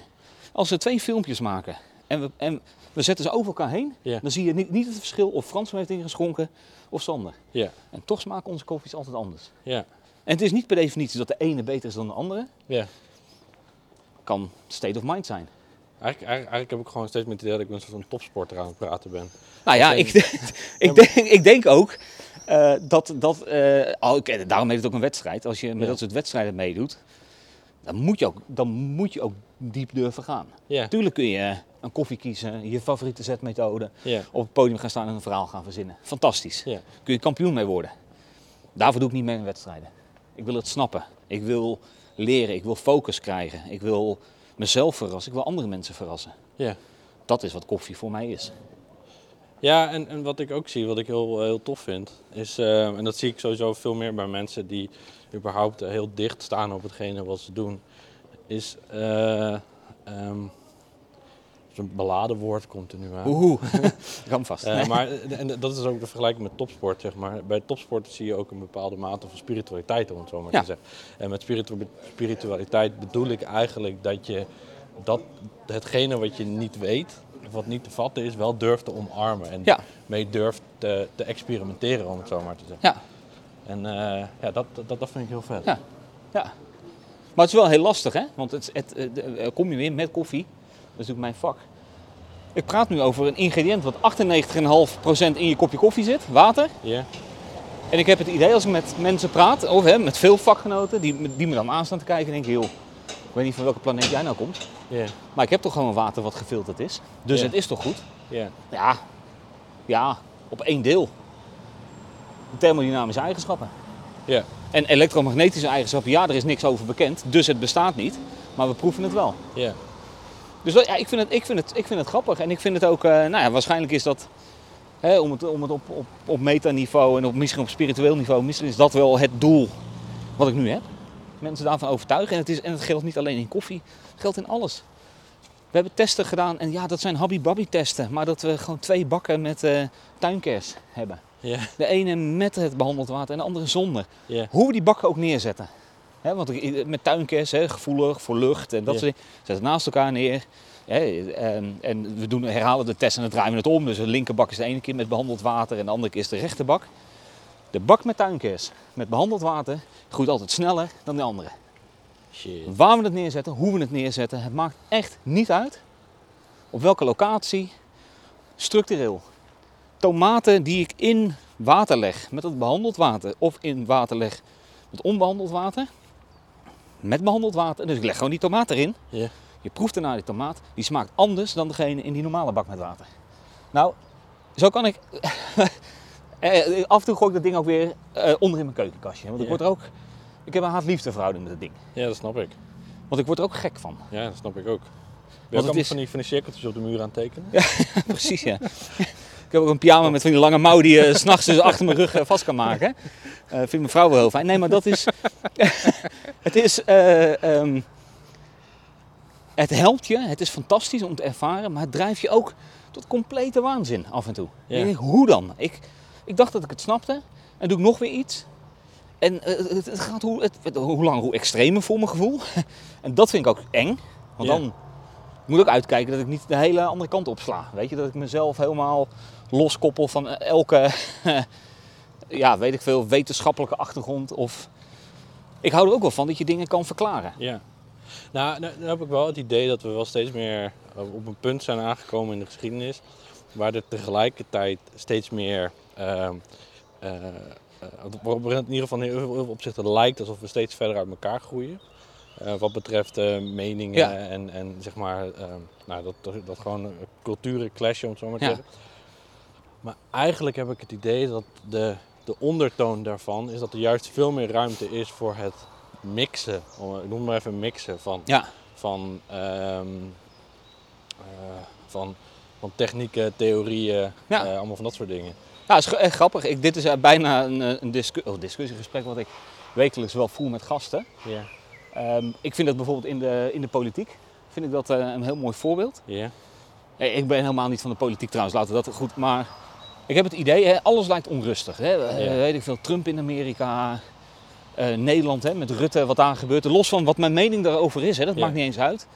Ik heb het idee dat we nu nog zitten in een, in een bak met water waarin we heel hard lopen te schudden. Ja. En er zit zand in. Ja. Want in, in, die, in, dat, in dat modderige water kunnen we allemaal heel veilig begeven. Ja. En we proberen het te polariseren. Maar ik heb het, i- ja, ja, ik heb het idee precies, het wordt zo meteen helderder.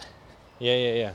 Dus dat, dat eh, eh, zwart denken of wit denken maakt het leven niet helderder. Het maakt, Nee. het, het maakt het gewoon heel contrastrijk, Ja. maar dat is niet per definitie helder. Nee.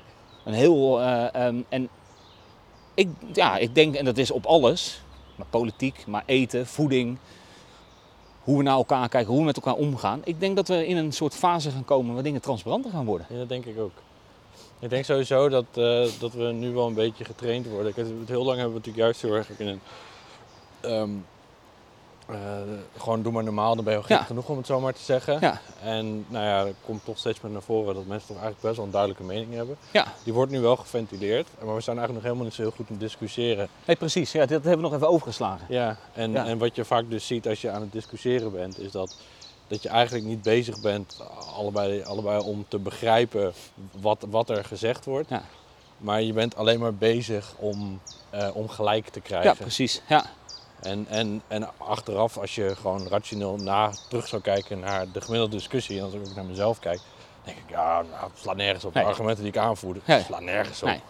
het is meer emotiegedreven dan ratio-gedreven. Ja. Ja, ja.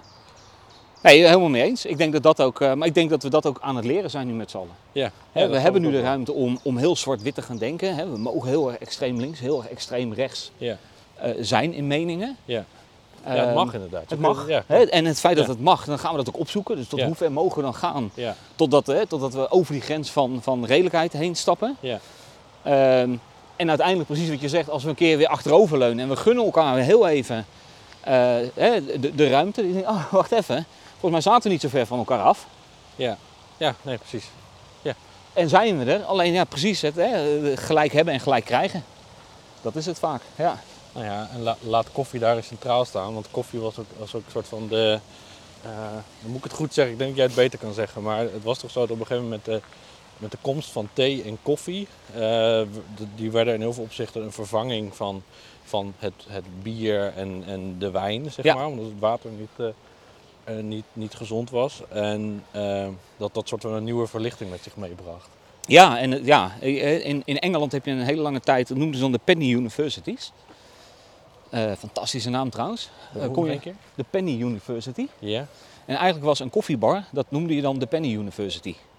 Je kon daar voor één, pen, één penny, Ja. eh, dat zal een, een lullig bedrag zijn, kon je een kop koffie kopen. En in dat soort koffiehuizen werden vaak door slimme mensen, we hebben, weet ik, wel, ik kan me voorstellen Oxford of zo, hè, dus de Universiteit van Oxford en dan die, die professoren, die gaan ook kop, kop koffie drinken. En ik kon dan voor, ja, voor die 1 cent eigenlijk die gesprekken luisteren tussen die twee mensen. Ja. Eh, of filosofen, of wetenschappers, of de discussies. Ehm, dus het was eigenlijk een soort hele goedkope manier voor het, nou, voor het normale volk om toch een soort iets meer te leren, Ja. omdat je gewoon de gesprekken kon afluisteren van Ja. slimme mensen. Ja, ja, ja. En dat vind, ik, dat vind ik fantastisch aan het product koffie. Dat is eigenlijk de grote reden dat ik erin ben gestapt. Eh, en dan is de cirkel bijna rond. Ehm, het, het, het samenbrengen van mensen. Ja. Het menselijke aspect, het sociale aspect, de lach op iemands gezicht. eh, dat je iemand kan helpen, ehm, spontaan. Je zegt, joh, jee, eh, oh, nou, oh, je, je, je ketting ligt van je fiets af. Wacht even, ik heb boven wel een sleutelsetje. Ja. Ik zet hem er even, hè, eh, even een dom voorbeeld. Ja. Tot, totdat ik nou, ongeveer nou, een jaar geleden, iets, iets meer dan een jaar geleden, heb ik een vaste gast van mij eh, ehm, mogen begeleiden naar, naar, naar zijn einde. Oké. Ehm, dus heel heftig, hè? dus Ja. ik ben eigenlijk zijn mantelzorger geweest. Dat is voor je. Ehm, heel fantastisch. Ja. Ja, ja, voor je. Ja, het is heel zwaar. Ja. Aan de andere kant denk ik, ja, maar dat is wel dus, hè, eh, we hebben het over Tom. Tom was tien jaar lang, elke dag, dronk hij koffie bij me. Ja. Ik, zeg al eens, ik heb Tom soms meer gesproken dan mijn eigen ouders. Ja. Ehm, een een maling was voor Tom de reden uit, om uit zijn bed te komen. Ja. En wij waren zijn veilige vangnet. En ik heb altijd tegen Tom gezegd, nou, als ik jou twee of drie dagen niet in mijn espressobar zie, ga ik je opzoeken. Ik weet Ja. niet waar je woont, maar ik ga je vinden. Ja. Het gaat me niet gebeuren dat jij eh, dood op je bed ligt. Ja. En dat ik dan lees, eh, een man eh, ligt eh, zes maanden dood op zijn bed en niemand heeft alarm geslagen. Dat. Ja. En dat heb ik een paar keer herhaald in de afgelopen tien jaar. Ehm, het is gelukkig eh, nooit voorgekomen tot, Ja. nou weet ik veel, 2 december 2019. Mhm. Om het maar even heel concreet te hebben. Dat ik een belletje kreeg van een van mijn baristas. Die zei, eh, dit is de derde dag Sander, dat Tom er niet is. Ja. Wat ga je doen? Ha, kak. Eh, en ik wist ongeveer in welk gebouw die woonde. Ja. Dat had hij me toen een keer verteld. Nou, opgezocht en bleek dat hij gewoon heel slecht te been was. En zijn suikerziekte begon de overhand te nemen. Nou ja, dus eerst joh, nou vind je het goed als ik één keer per week even een kop koffie kom brengen? Ja, is goed, want hè, Tom was ook wel een beetje een kluizenaar. En van dat mond het uit in golf, hé, zal ik een keer boodschappen voor je doen? Ja. Hè, want als, als dat niet meer lukt, nou, tot twee keer per week, totdat je uiteindelijk elke dag, in de laatste fase, dat je zelfs, nou weet ik veel, alles, eh, nou ik heb echt letterlijk eh, bijna alles moeten regelen. Mogen regelen. Hè, dat is beter. eh. Maar dat is fantastisch, want dat is eigenlijk wat ik vind wat een, nou niet wat al- alleen een espressobar moet zijn, maar wel wat mijn espressobar minimaal moet zijn. Omzien naar elkaar, open zijn, eerlijk zijn ehm, en soms buiten die gebaande paden durven te treden. Ja, fucking vet. Ik- Dat. ik- ik- en, en, en, en, en het is niet dat ik, ik bedoel, en ik doe het niet eens vanuit, ik wil een schouderklopje of wat dan ook. Ik wil laten zien aan mensen, dat is hoe je om kan gaan met elkaar. Ja. En nog steeds een, een, een zaak kan runnen. En iedereen, eh, veel mensen vinden het fijn bij ons. Waarom? Ja, misschien die houding. Ja, het het is koffie vet. plus. Ja, nee, maar dat, dat is ook, eh, nou ja, weet je wel, die, die eh, wat ik eerder ook al noemde, is gewoon weer die, dat herontdekken van wat eten Ja. en, en, en, en drinken is. En ja, voor mij in ieder geval staat eten en drinken gewoon aan, aan de basis van wie we zijn. Ja.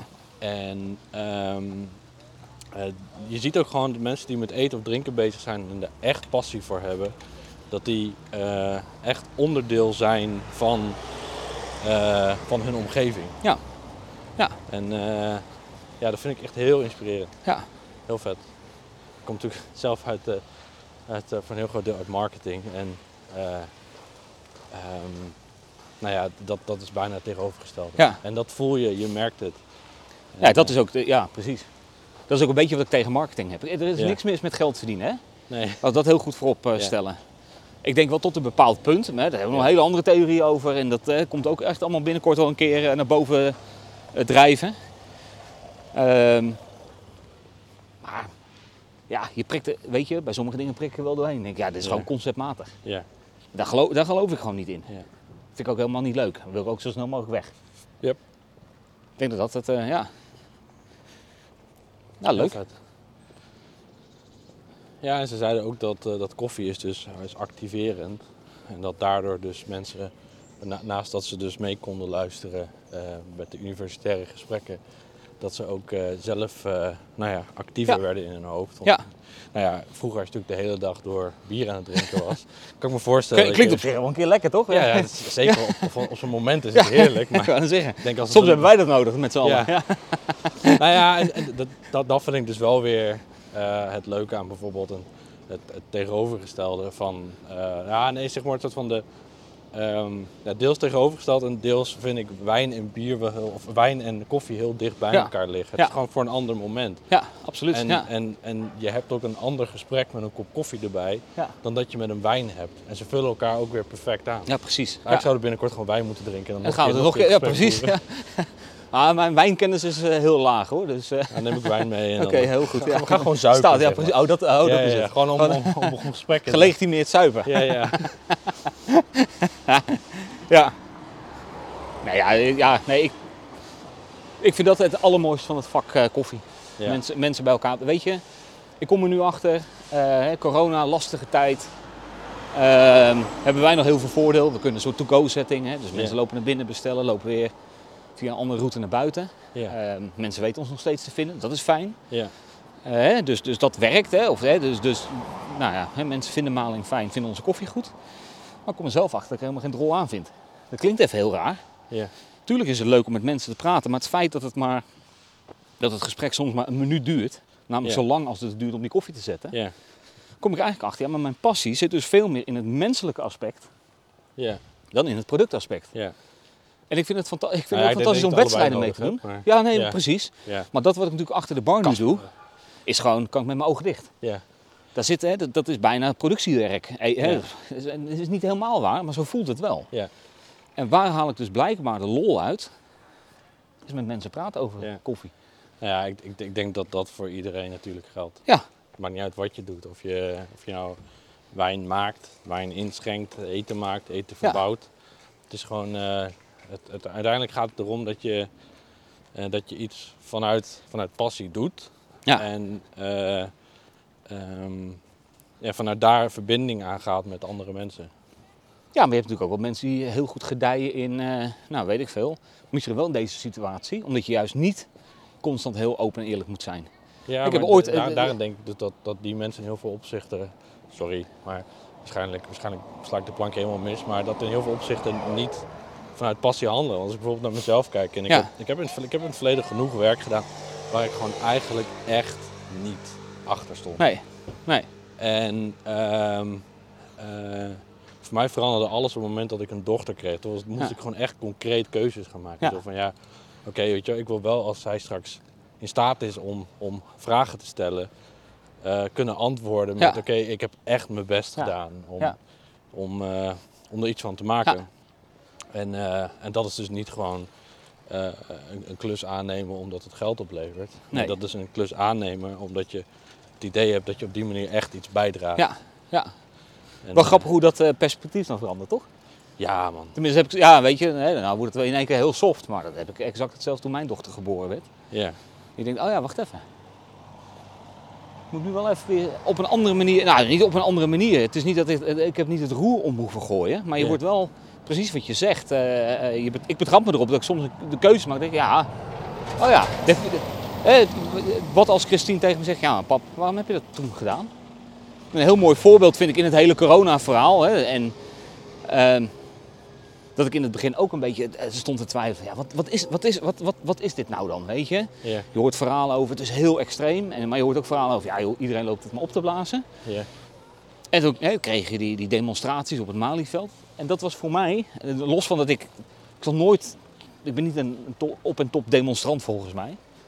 Maar wel dat ik dacht, wat nou als later mijn dochter zegt, hé maar pap, toen de wereld eh, om zeep werd geholpen door corona. Ja. En door de politiek, hè? dus we gaan het even, ik duw even alles richting de politiek. Zonder Ja, ja. dat het, nee, ik sta er niet meer achter. Ja. Maar toen misschien wel. Ik dacht, ja, jullie gooien alles plat en alles gaat stuk. Ja. Dat Christine over 15 jaar zegt, maar pap, wat deed je er dan aan? Ja. Of ging je gewoon maar in je espresso barretje staan en net doen alsof er niks aan de hand Weet je, een beetje dat. En ik dacht, oké, ik moet wel een keuze gaan maken. Wat is nou dan mijn visie daarin? En tot hoever wil ik gaan om die uit te dragen of niet? Maar dat je in ieder geval, ja, je wordt wel bewuster van keuzes die je doet. Ja. Dat is wel fantastisch, ja. Ja, je gaat, je gaat ook echt langer termijn denken. Want ik Ja. weet niet of jij het ook herkent als zelfstandig ondernemer. Dat je in principe denkt van... Oké, kan ik deze maand de huur betalen? Kan ik personeel betalen? Eh, kan ik, eh, ga, ga- heb ik dit kwartaal nog werk in het vooruitzicht? Ja. En met een kind is het denk je zo van... Oké, ik, ik ga denk ik 20, 25 jaar vooruit denken. Ja, ik heb, daar ben ik ook wel mee opgehouden. Dat we in het begin wel. En nu denk ik, ja. Weet je, nee, maar d- d- dat vind ik ook wel weer het mooie aan corona. Is het laat zien dat alles wat je dacht wat een zekerheid was, niet meer per definitie de zekerheid is. Ja. Ja, ja. Dus volgens mij is het, in, ik vind het voor mij veel belangrijker. Ook een eigenschap die ik relatief makkelijk eh, eh, of goed beheers, denk ik, is flexibel, flexibel zijn. Ja. Ik denk dat dat, hè, dus als ik, als ik iets zou willen meegeven aan mijn eigen dochter in de toekomst, wees flexibel. Ja. pin je niet vast op, op, op iets. Want weet je, er hoeft maar iets te gebeuren. Eh, twee jaar geleden hadden we nog nooit gehoord van een pandemie. Ja. Ja, wel Nee, ja, ja. in de boekjes, maar Ja. bestond het niet of zo. En nu zit je er middenin en veranderen dingen in één keer. In één keer jaag je al je spaargeld er doorheen. Mhm. Omdat je, een, omdat je toevallig ooit een keer eigen ondernemer, eigen ondernemer bent ge- geworden. Ja. Kun je over gaan huilen. Maar ik vind het ook wel weer... Ik vind het ook wel... Ja, nee. Ik, dus ik, ik, ik, ben, ik ben juist eigenlijk een stapje terug gaan doen. Ik dacht, oké, ik kan me overal druk over gaan maken. Ja.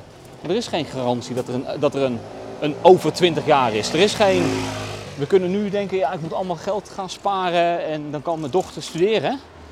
Misschien Weet ik veel, misschien- mensen niet meer. Gaan ze alleen maar koffie drinken in de pennybar. ja, precies. En nee, in de Penny University. Penny University. Of eh, is alle onderwijs gratis? Ja. Ja, dat is zonde. Heb ik al mijn geld op staan potten. Dus ik vind, ik zeg niet dat je roekzichtloos alles weg moet. oh jongens. eh, Laten we ah, gelijk langs de mediamarkt ja, lopen. ja, even, eh, ja, wat gaan we aanschaffen? Nee, dat, dat ook niet. Maar ik ga ook niet meer met die... Op een gegeven moment vond ik dat een beetje een soort angst worden. Ja. Dat vind ik wel heel zwaar. Ja. En ik, heb, ik probeer meer leuke dingen. Dat ik denk, oké, nou ja, ik hoop dat ze me kan herinneren als dit of als dat. Ja. Vind ik veel, dat, dat vind ik nu veel leuker om te doen. Een van de dingen is Nederlands kampioen. Dat is eigenlijk, heb ik het uiteindelijk heb ik het een keer, dat ik dacht, ik, eigenlijk doe ik het voor haar. Oké. Ik had er helemaal geen zin meer in. Ik Ja. Doe het, ik ga het proberen voor jou. Kun je in ieder geval zeggen, ooit, ja, mijn vader is een keer Nederlands kampioen geweest. Ja, ja, ja. Het boeit mij helemaal geen ene rol dat ik het ben. Maar dat was wel, toen ik het ook had gehaald, dat ik dacht, oké. Nou, eh, check in de box, klaar. Even in ieder geval iets wat op terug kan vallen. ja. En het is heel dom natuurlijk. Ja, jeetje, waar ben je met Nederlands kampioen koffie zetten? Maar ah, ja, Ik ben de sterkste man op de wereld. precies, voor je dochter in ieder geval. Zoals elke vader. Precies. Ja, nee, ik vind het, eh, ik vind het gewoon mooi om, om te zien wat het doet met je mindset inderdaad. Ja. Eh, dingen worden in één keer, of dingen worden veel belangrijker, of dingen worden helemaal niet meer belangrijk. Dan denk Ja. hé joh, stik er toch in. We lopen ons allemaal naar druk over te maken. Wel nieuwsgierig of jij dit ook zo, zo ervaart. Want wat ik dus heel erg heb, in eerste instantie had ik heel erg dus vanuit eh, alle ambities die ik heb en, en, en, en mijn werk en al dat soort dingen, dat hoe vet ik het ook vond, een kind te hebben, dat het, dat het heel erg voelde als, oh shit, nog iets erbij. En, maar dat heeft zich nu langzaam vertaald in ehm, dat ik eh, veel duidelijker onderscheid eigenlijk heb tussen werken en, eh, Ja. en, en privé. Ja, En dat als ik met haar ben, dan ben ik echt vrij. En nu is het Ja. in één keer elke ochtend ben ik vrij. ja, Uh, als we 's ochtends aan het ontbijten zijn, Ja. ook weer eten natuurlijk, ja, ben ik in principe vrij. Ja. Want we zijn met z'n met z'n drietjes. ja, En ehm, eerder was ik, nou ja, ik kon als ik om half tien een afspraak had en het is tien minuten fietsen om tien voor half tien uit bed ja, komen. ja, precies. Ja. Ehm, Gejaagd en eh, ja. ja. Ja. En, en of überhaupt als je opstond, dan was je eigenlijk al bezig met de dag en wat er ging gebeuren. Ja. En nu ben ik ochtends alleen maar bezig met... Nou, ik maak eigenlijk bijna altijd ontbijt ochtends. Ja. Maar met ontbijt, koffie zetten, ontbijtje maken en Ja. eten met z'n Ja. ja, maar ik denk dat dat, dat heb, ja, heb ik ook. Ehm, hè, hoe ouder ze wordt, hoe, hoe, dan gaan die grenzen ook wel iets vervagen, kom ik achter. Hè. Ze gaat nu naar school toe. Ja. Ehm, dan heb je in één keer weer tijd voor jezelf. Hè. Dus eh, het moment dat ze naar school gaat. En dan mo- moet ik soms uitkijken dat ik niet in één keer weer in die rol stap. van, Oké, gejaagd en ik moet eh, meters maken en gas geven. Noem maar op. Ehm, ja, nee, fantastisch. Ja, dat heb ik ook. Ja. Maar ik vond het eigenlijk al vanaf meet af aan, het, het moment dat ze geboren werd, dat ik een soort totale rust ervaarde. Ervoer, wat ja, is het? Ja, ja. Ehm, ik dacht, oké, hey. Eh, het, het zorgt meteen, kijk, eh, ik ben volgens mij van nature een soort rare bezige bij die altijd druk in zijn kop is. Ehm, maar het zorgde voor mij voor een soort focus. En het is een soort structureel constante focus. Wat, waar ik wel heel erg goed bij gedij. En soms is het ook wel irrit- eh, irritant, of hoe zeg je dat? Komt het je niet zo goed uit. Ja. Maar het is wat het is. En daar ontkom je ook niet aan. Dat is ook het lekkere. Ja. Het is geen keuze. Het is Nee. een soort vaststaand, Ja. Vaststaand feit. Ja. En eh, ja, levert soms een beetje stress op. Maar 9 van de 10 keer hele mooie momenten en Ja. waardevolle dingen. Ja, echt. Ja. Ja, vet. Nou, en zijn er nog zettechnieken die we niet besproken hebben? Honderdduizend zettechnieken.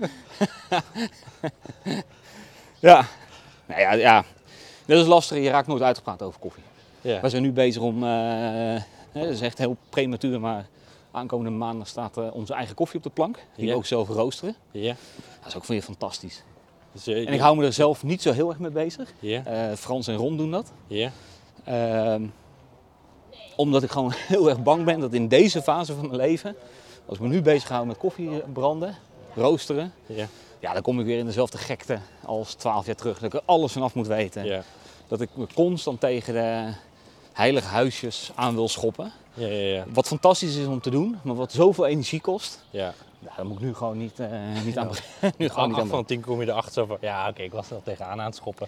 Maar ze hadden gelijk, maar nu weet ik het zeker. Ja, nee, nou dat, maar, dat is niet- maar ik vind dat niet erg. Nee, ik ook niet. Ik vind dat te gek. Ik vind dat, Ik vind dat, eh, dat, dat is een onderdeel. Maar de twee keer dat je ergens tegen aanschopt en denkt, hé, hey, het rammelt wel een beetje, je verhaal. Creëer je in ieder geval een verandering. Ja. Dat is, dat, ik, ja, ik hou er wel, ja, dat is ook een ontwerp-eigenschap, denk ik. Altijd maar kijken, kan iets beter, kan iets anders. Klopt het wel wat we, wat we zeggen, wat we doen? Ja, en dat geldt niet alleen binnen koffie, denk ik. eh. alles wat we doen is wel iets voor te, dat je denkt, nou, het wordt wel een keer tijd om er op een andere manier naar te kijken. Ja. Waar we het net over hadden, politiek. Yep. Hè, het, wordt, het wordt wel een keer tijd dat we er op een andere manier naar gaan kijken. Ja. En ik denk dat het ook gaat gebeuren. Ik denk dat we nu in een soort laatste sparteling zitten van de, de nou ja, ik noem het even de oude machten. Ja. Klinkt allemaal heel duister, en, heel- maar ja. Zo, zo bedoel ik het niet. maar die werken nog op de ouderwetse manier. Ja. Toen kon je nog dingen onder het tafelkleed vegen. Dat, dat lukt je nu niet meer. Nee. Je loopt nu met een rapport waarbij staat eh eh, omzicht, eh, functie elders. Ja. Dus maar één lijpo met een telefoon eh, die foto hoeft te maken en het uit hoeft te vergroten. Ja. Paf, en dan ga je. Ja. En dat vind ik fantastisch. Dus aan de ene kant eh, leeft het gigantisch veel gezeik en gezeur en een kabinet wat omdondert en eh, hè, de hele politieke circus. Ja. Maar onderaan de streep geeft het wel het signaal, jongens, je komt er niet meer mee weg. Nee. Alles, het, het, het, het laat allemaal wel een voetspoor achter, Ja. digitaal of niet. Nou, vind ik, ja, soms irritant. Je denkt, oké, mijn privacy gaat eraan. Aan de andere kant, ja, ja, het houdt ook wel een hele hoop dingen scherp en helder. Ja. Hey, ehm, eh, jullie hebben ook een podcast. Ja. Tot daar is het over. Ehm, nou ja, eigenlijk, eh, nou wat zal het zijn joh, Je bedoelt november, Okto- eh, oktober vorig jaar. Ehm, een beetje vanuit eh, dat ik dacht, ja, alles draait hè, dus eh, we, we, we, zitten in een soort corona-versie van, van maling. Maar ik ben eigenlijk niet blij, want ik heb het niet meer over koffie. Ik ben er niet mee bezig. Ehm, toen dacht ik, ja, ik, ik moet hier wat mee. Dus in eerste instantie is het begonnen op een soort eh, dinsdag Sanders rare koffie-experimentenavond. Ja. Dus ik zei tegen Mariette, mijn vrouw, ik zeg, joh, ik ga gewoon één avond in de week gewoon weer stoeien met koffie. Dat deed ik eigenlijk altijd. Ja. Normaal deed ik dat hè, achter de bar en dan hè, met, met Frans en met vrienden. Eh, en dat doe je niet meer, want je staat in je eentje achter de bar en in je eentje is het niet leuk experimenteren. Nee. Ehm, dus daarmee begonnen. Ik zei tegen Frans, Ron en Gijs. Dus de vier eh, mensen van de koffiepodcast van joh, hey, hebben jullie zin om elke dinsdag gewoon, ik verzin wel een experiment. We gaan het proeven, we gaan het erover hebben. Nou, zo gezegd, zo gedaan. Twee, twee drie dinsdagen gedaan. En uiteindelijk dat ik zei, ja, fuck, nou doen we experimenten. Maar als we er niks mee doen, is ook zo zonde. Als we het niet vastleggen, is het ook zo jammer. En nou, dus s'avonds word ik gebeld door Ron. Ron zegt, ik heb een idee, we beginnen een podcast. En ik was net op dat moment aan het kijken, kunnen we niet eh, alles filmen via een soort eh, webinar of eh, dat soort shit. Ja. Dus dat lag heel dicht tegen elkaar. Ik zei, nou laten we een podcast doen. Ja. Uiteindelijk zijn we dus een podcast begonnen, een koffiepodcast. Ja. Dat de Is het naam? nu de andere kant, de koffiepodcast. Oké, ja. Lekker makkelijk. Hè? Waar- en, maar uiteindelijk is het een beetje doorgeslagen dat, dat, dat we dat doen. Dus dat we het alleen maar hebben over koffie. En niet meer experimenteren met koffie. Dus we moeten nog wel weer een keer een stapje terugzetten. Nou ja, weet je, koffiepodcast is gewoon ontstaan. Ehm, de vier mensen, dus Gijs, Ron, Frans en ik, zitten allemaal al heel lang in het koffievak. Gijs zit er al 40 jaar in, maar de andere drie pakken bij 10 jaar, 10, 12 jaar. Ehm, allemaal een passie voor koffie, maar ook allemaal een andere zienswijze. Mhm. En ook een andere achtergrond. En we hebben altijd discussie over Ja. dingen. Eh, of leuke anekdotes, of leuke verhalen. En dan dacht ik, ja, waarom nemen we het niet gewoon op? Het is Gewoon grappig. En we, en we zien wel wat mensen ervan vinden. Dus het is ook, eh, het is niet gescript of wat dan ook. Het is gewoon lekker, we, we nemen het in principe elke dinsdagavond op. Dinsdagavond, we zetten de microfoon aan. En we beginnen gewoon te ouwehoeren over een onderwerp wat iemand iets aangaat. Ja. En eh, nou, daar mag je dan een mening over hebben of niet. En eh, soms levert het hele heftige discussies op en soms gigantisch hilarische momenten. En dat is wat het is. Maar in ieder geval, als je meer wil weten over koffie, dan is dat een goede plek om... eh, het is in ieder geval leuk. En ehm, eh, ik, ik hoop dat mensen die het horen gewoon snappen dat er meerdere inzichten zijn in koffie. Dus Ja. het is niet, het is geen college. Als je echt eh, allerlei recepturen wil weten, dan hoef je niet te luisteren. Nou, ik, ik, waar ik aan moet denken, en dat, dat vind ik heel erg leuk. En dat, dat vind ik ook heel erg tof aan de, de, de ervaring die ik eigenlijk, denk ik, voor eh 90% aan maling te danken heb.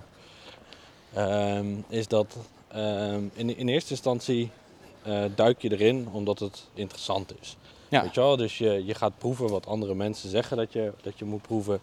En, en je, je gaat daar helemaal aan mee.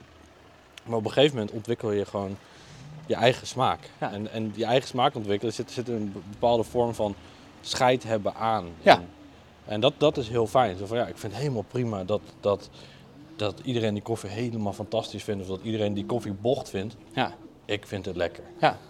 Ja. Ik ga mijn koffie zo zetten en Ja. daar geniet ik van. ja perfect toch? Ja, dat, dat, dat, dat is heel fijn. En dat heb ik überhaupt met op het moment dat je je echt gaat verdiepen in, eh, nou ja, in dit geval is koffiee, maar dat kan dus bijvoorbeeld ook filosofie zijn. Ja. Of dat kan, kan, kan, kan kaas zijn. Dat je op een gegeven moment gewoon echt je eigen smaak ontwikkelt. En daarmee een stukje vrijheid voor jezelf. eh, Maar niet veel mensen durven dat, hè? Ik heb dat ook. Ik kan, eh, we- weet ik veel, eh, met mensen koffie proeven en zeggen, nou, ik vind het echt niet te suipen. ja. Dus iedereen echt laaiend enthousiast is. En het boeit me ook Ja. niet wat mensen ervan vinden. Ja. Maar toch merk je, en, en hè, ook dat laat natuurlijk wetenschap wel zien, dat je wel... Je hebt veel mensen die lopen onderbewust wel mee. Oh, jij vindt het lekker, hij vindt het lekker. Nou, dan zal, ik, nou dan, ja, dan zal het wel aan mij liggen vandaag. Ja, dikke doei. Als je het gewoon niet lekker vindt, zeg je het toch gewoon. Ja. En dan ligt het wel aan je vandaag. En, Ja, en morgen vind je het wel lekker. zijn en interessant. Ja, Weet je wel, je, je leert weer iets, je proeft iets, je, je ontdekt nieuwe dingen. Ja. Maar ja, het is niet lekker. En ik, ja, en ik denk ook, probeer het altijd te omschrijven. Wat, wat is dan niet lekker? Kijk, zeg ik vind het niet lekker, vind ik altijd kort door de bocht. Ja. Ehm, wat vind je dan niet lekker? Is het bitter? Is het zout? Is het zuur? Is het, eh, eh, eh, en, en of je nou de juiste kreten kent of niet, maakt niet uit. Ja. Ik heb het nu met wijn, ik probeer het een beetje te drinken. Nou, dan, dan zit ik een wijnproeverij te doen en dan noem ik smaken en dat mensen me aan zitten te kijken van joh, eh, dit zit er echt niet in. Ja. Nou ja, sorry. Ik proef ze. Ja, ja, Punt. Dus, de- en jij kan vinden dat het niet zo is. Maakt mij niet uit. Als ik een meloen proef, proef ik een meloen. En dan zeg ik ook meloen en zeg ik niet aardbei. Nee. Omdat jij aardbei zegt. Klaar. Weet je, dat, dat is natuurlijk eh, ja, interessant. Ja, maar dat blijft natuurlijk met eten, voeding, alles wat je doet. Ja. Een beetje, ja, weet je, ik vind eh, eh, eigenwijs. Ik zeg wel heel hè, vaak tegen mensen, ik ben heel eigenwijs. Maar volgens mij is eigenwijs hè, een beetje op eigen wijze iets doen. En volgens Ja, mij is dat precies. precies wat authentiek is. Ja. Dat is authenticiteit. Ja, Iets ja, op je eigen methode doen. En authentiek mag, je mag authentiek zijn. Ja. Maar eigenwijs, daar zit een, is een lading. Ah ja, je bent eigenwijs. Nee. Ja. In principe, in mijn optiek, is dat, eh, is dat, is dat hetzelfde. Ja. Alleen, ja. authentiek zijn, eigenwijs zijn. Ja, vind ik een mooie afsluiting. Ik ook. Zijn er nog dingen die je graag kwijt wil? Nee. Oké. Nee. Top. Ik, ik, ik gebruik dit apparaat nu al, weet ik veel, tien jaar. Ja. En elke keer als ik mijn vinger richting de stopknop ga, ben ik bang dat ik iets verkeerd doe, waardoor ik het niet heb opgenomen. Dan moet ik nog weer dat rondje lopen. ja, ja, ja. maar ik ga nu echt op de stopknop drukken. wat, hè? Die beesten die plukken gewoon het hele ding kaal.